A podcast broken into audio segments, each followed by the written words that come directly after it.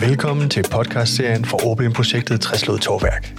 I dette afsnit kan du høre eleverne Mathilde Korshøj og Maj Strejbøl fortælle om at være ordblind på Handelsgymnasiet. Sissel Stenbak stiller spørgsmålene. Hej Mathilde, og hej til dig, Maj. Det er rigtig godt, at I kunne komme og hjælpe os her. Jeg har lige nogle spørgsmål om det her med at være ordblind og gå på HH. For det er jo det særlige ved jer, at I går begge to på det, der hedder HH, altså Handelsgymnasiet.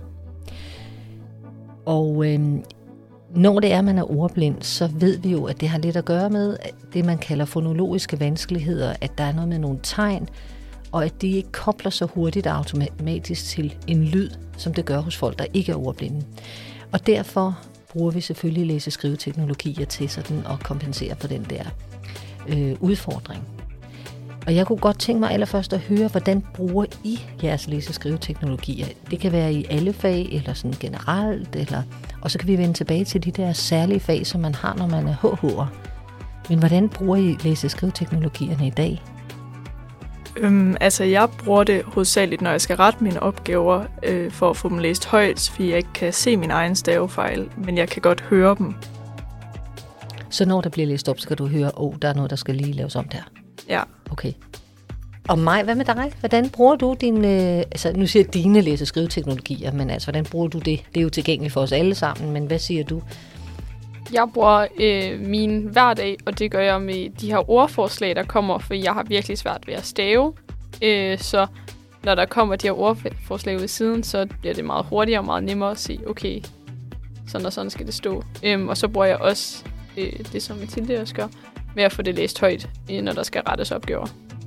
Okay, så øh, klikker du på ordene, altså klikker du på selve ordet, eller bruger du det, der er sådan nogle tal, man også kan bruge? Ja, jeg har lært at bruge genvejstasterne øh, på computeren, så når det er, de kommer, så der er et tal ud for det ord, og så kan jeg bare lige taste ind, og så kommer det automatisk på min skærm. Så hvis jeg sidder og bliver i tvivl om ord, så skal jeg ikke bruge tid på at slå det op, men egentlig bare vælge det rigtige ordforslag.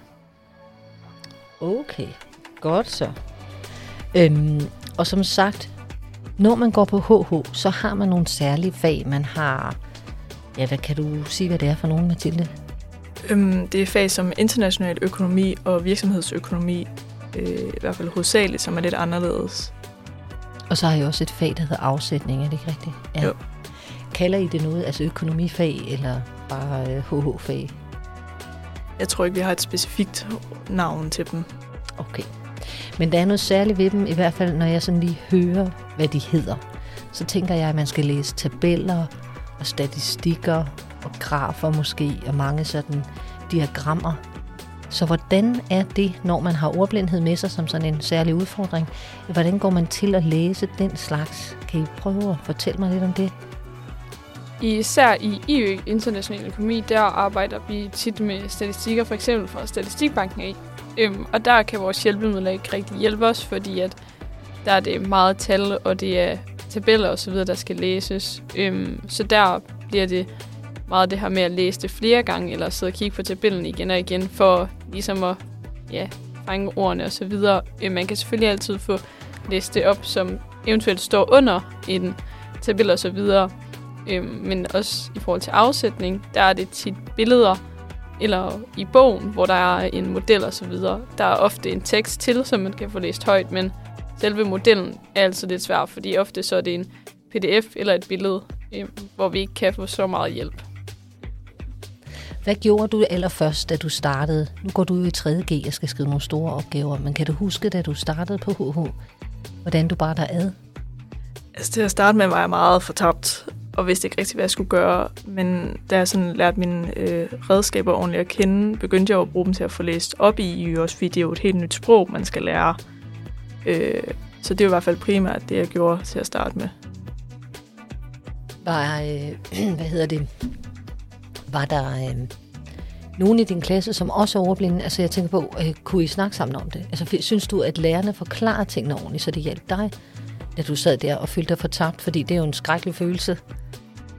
Altså, i min klasse er vi jo otte ordblinde, hvilket er ret mange for en klasse. Og for eksempel, der havde vi en lærer, som meget bare snakkede, men ikke sådan fik forklaret tingene ordentligt. Så vi brugte meget hinanden til ligesom at få det skåret ud i pap, og ligesom snakke om, hvordan hver person havde forstået tingene. Det lyder rigtig interessant og meget hjælpsomt faktisk.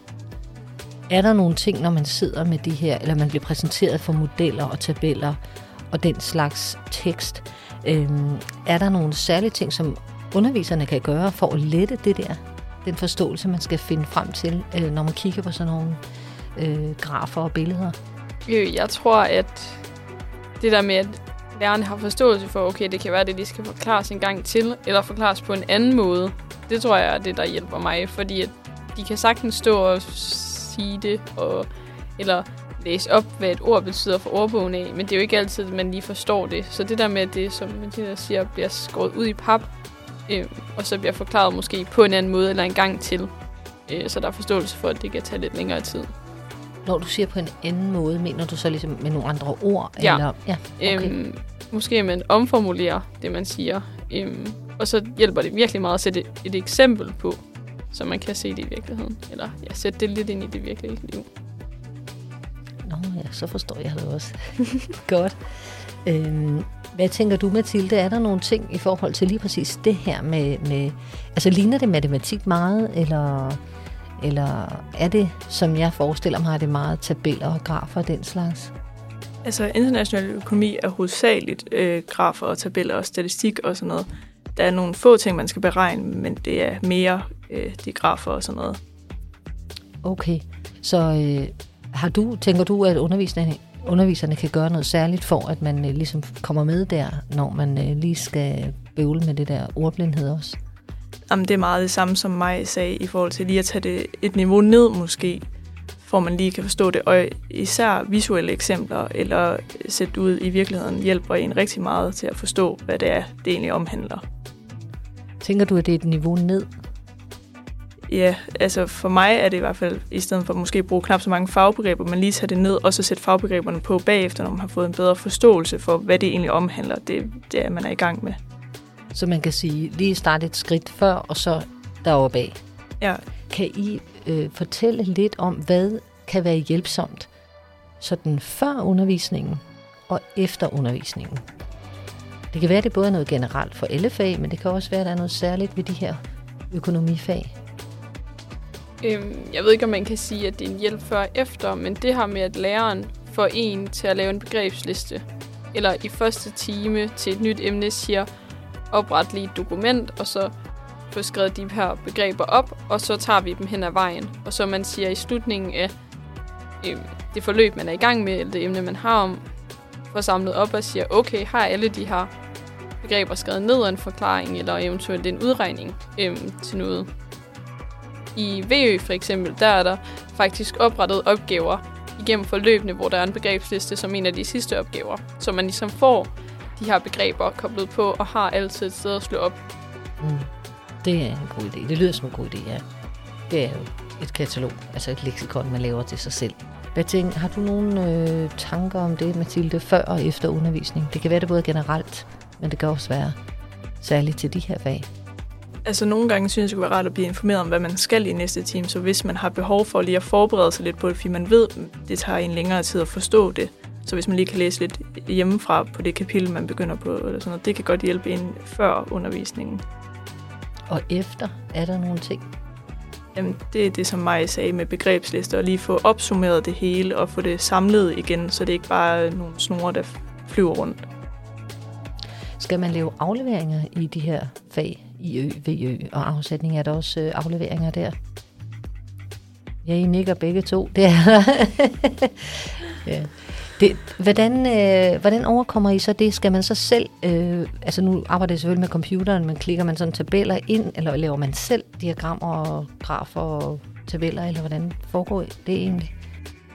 Øhm, jeg har lige afleveret en landanalyse i IØ her i går faktisk, hvor det er, at vi selv skulle sidde på en hjemmeside, der hedder IMF, og øh, klikke nogle tabeller og lave nogle tabeller i forhold til det land, vi havde om. Og det synes jeg faktisk fungerede virkelig godt, for der startede vi med at få en gennemgang på klassen. Okay, sådan her fungerer den her hjemmeside, og det er de her, de her ting, som er vigtige at få med, og så arbejder vi ud fra det.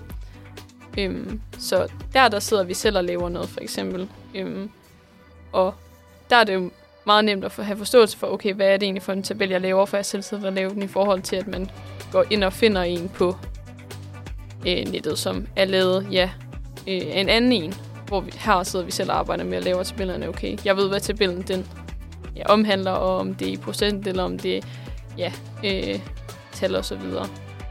Okay. Og hvad, øh, hvad tænker du, Mathilde, nu er du kommet så langt? Ikke? Så du, øh, jeg tænker, du har garanteret øh, for længst udviklet nogle gode studiestrategier. Altså, hvordan overkommer du de her afleveringer, også i økonomifagene? Altså, jeg er sådan en type, at når jeg får en aflevering, øh, så sætter jeg mig ned en gang og laver det hele. Jeg tager den ikke over flere dage. Øh, og så for eksempel, hvis det var en VØ-aflevering, så tager jeg altid de opgaver, jeg ved, jeg har styr på, øh, fordi den er jo emneopdelt, så du ved for eksempel, at logistik, okay, det kan jeg finde ud af, så du lave hele opgave, den opgave. Øh, og så tager jeg altid dem, de opgaver, jeg ved, jeg er sværest ved til sidst, fordi at dem er som regel langsommere til, så dem ved jeg, jeg har god tid til til sidst. Men du laver det hele den samme dag, eller? Ja. Det kræver jo alligevel også, at der er plads i din kalender til det, eller den dag til det. Ja. Er du god til at bruge en kalender? Ah, det er ikke min, min stærkeste side. Okay. Så du holder bare øje med afleveringsdags for Ja. Godt. Så vil jeg gerne lige spørge jer, om I kan kommentere på, hvad det betyder i klassen. Altså, vi har jo fået at vide mange steder fra, at det er vigtigt, at der er en åbenhed i klassen omkring, at man har den her udfordring. Eller at det ligesom er, det, der, der er nogen, der er ordblinde, og der er nogen, der ikke er det. Det kunne være, at I havde nogle anbefalinger til selve, altså til jeres klassekammerater. Eller måske, hvis I tænker på en klasselærer. Hvordan skal, hvad er vigtigt at få sagt? Øh, jeg tror, det er vigtigt at have tålmodighed, og så også have god kontakt med både dine lærere og klassekammerater, og sådan have lidt selvindsigt og sige, okay, så i gruppearbejde, nu skal jeg måske sætte mig lidt tilbage, og så lade de andre læse højt, for eksempel, så kan jeg sidde og strege vigtige detaljer over, eller bare sidde selv og følge med i teksten. Så det der med at have god kommunikation, og så at de andre har forståelse for, okay, man skal måske være lidt tålmodig med os, der er ordblinde, fordi det kan godt tage lidt længere tid. Øhm, og så med klasselæreren, altid bare sørge for, at de ved, hvem der er ordblinde, fordi så kan du altid komme til dem, hvis det skulle være, eller de kan altid komme til eleverne og spørge, hvis der er noget, okay, hvordan var det her, og fordi de kan jo ikke se, hvordan vi har det. Så det der med, at man har god kommunikation med lærere og elever, så både lærerne kan bruge eleverne til at forbedre deres undervisning, men også at vi elever kan komme til lærerne og sige, okay, lige nu der synes jeg, det her det her også. Ja. Altså jeg vil også sige, det er meget vigtigt som den ordblinde elev at være meget åben omkring, at du er ordblind, og sådan måske nævne, at læsning det er ikke min stærkeste side, så hvis I vil hjælpe her, og, men jeg er stærk her, så det kan jeg godt tage over. Altså meget det der med bare at være ærlig omkring, det er her, jeg har mine øh, sværheder, og det er her, jeg har styr på tingene. Fordi det giver som kammerat meget mere forståelse over for, at man lige er lidt langsommere til at svare på det spørgsmål osv. Okay, så øh, nu er jeg faktisk nået ned til slutningen af mit papir, og alle de spørgsmål, jeg havde i denne her omgang. Men jeg vil gerne lige høre til allersidst, hvis I nu tænker på, at øh, der er nogle undervisere, der skal lytte til det her. Nu har I kommet med nogle gode råd, men er der noget, der mangler, I, I mangler at få sagt til dem? Altså jeg ved ikke, bare husk at måske øh, gøre dine elever opmærksom på, at du godt ved, de er ordblinde, og måske tage en snak med dem omkring, hvor deres behov ligger henne. Og hvis så føler man sig som elev sådan mere sikker på, at lærerne rent faktisk ved, hvor man står henne. Det tror jeg ikke. Jeg har ikke lige noget. Super. I skal have rigtig mange tak for at komme her og svare på mine spørgsmål, og jeg har igen lært noget nyt. Så tak for det. Jeg håber også, at alle, der lytter til det her, kommer til at lære noget nyt. Tak til mig og Mathilde fra HHX i Skærm.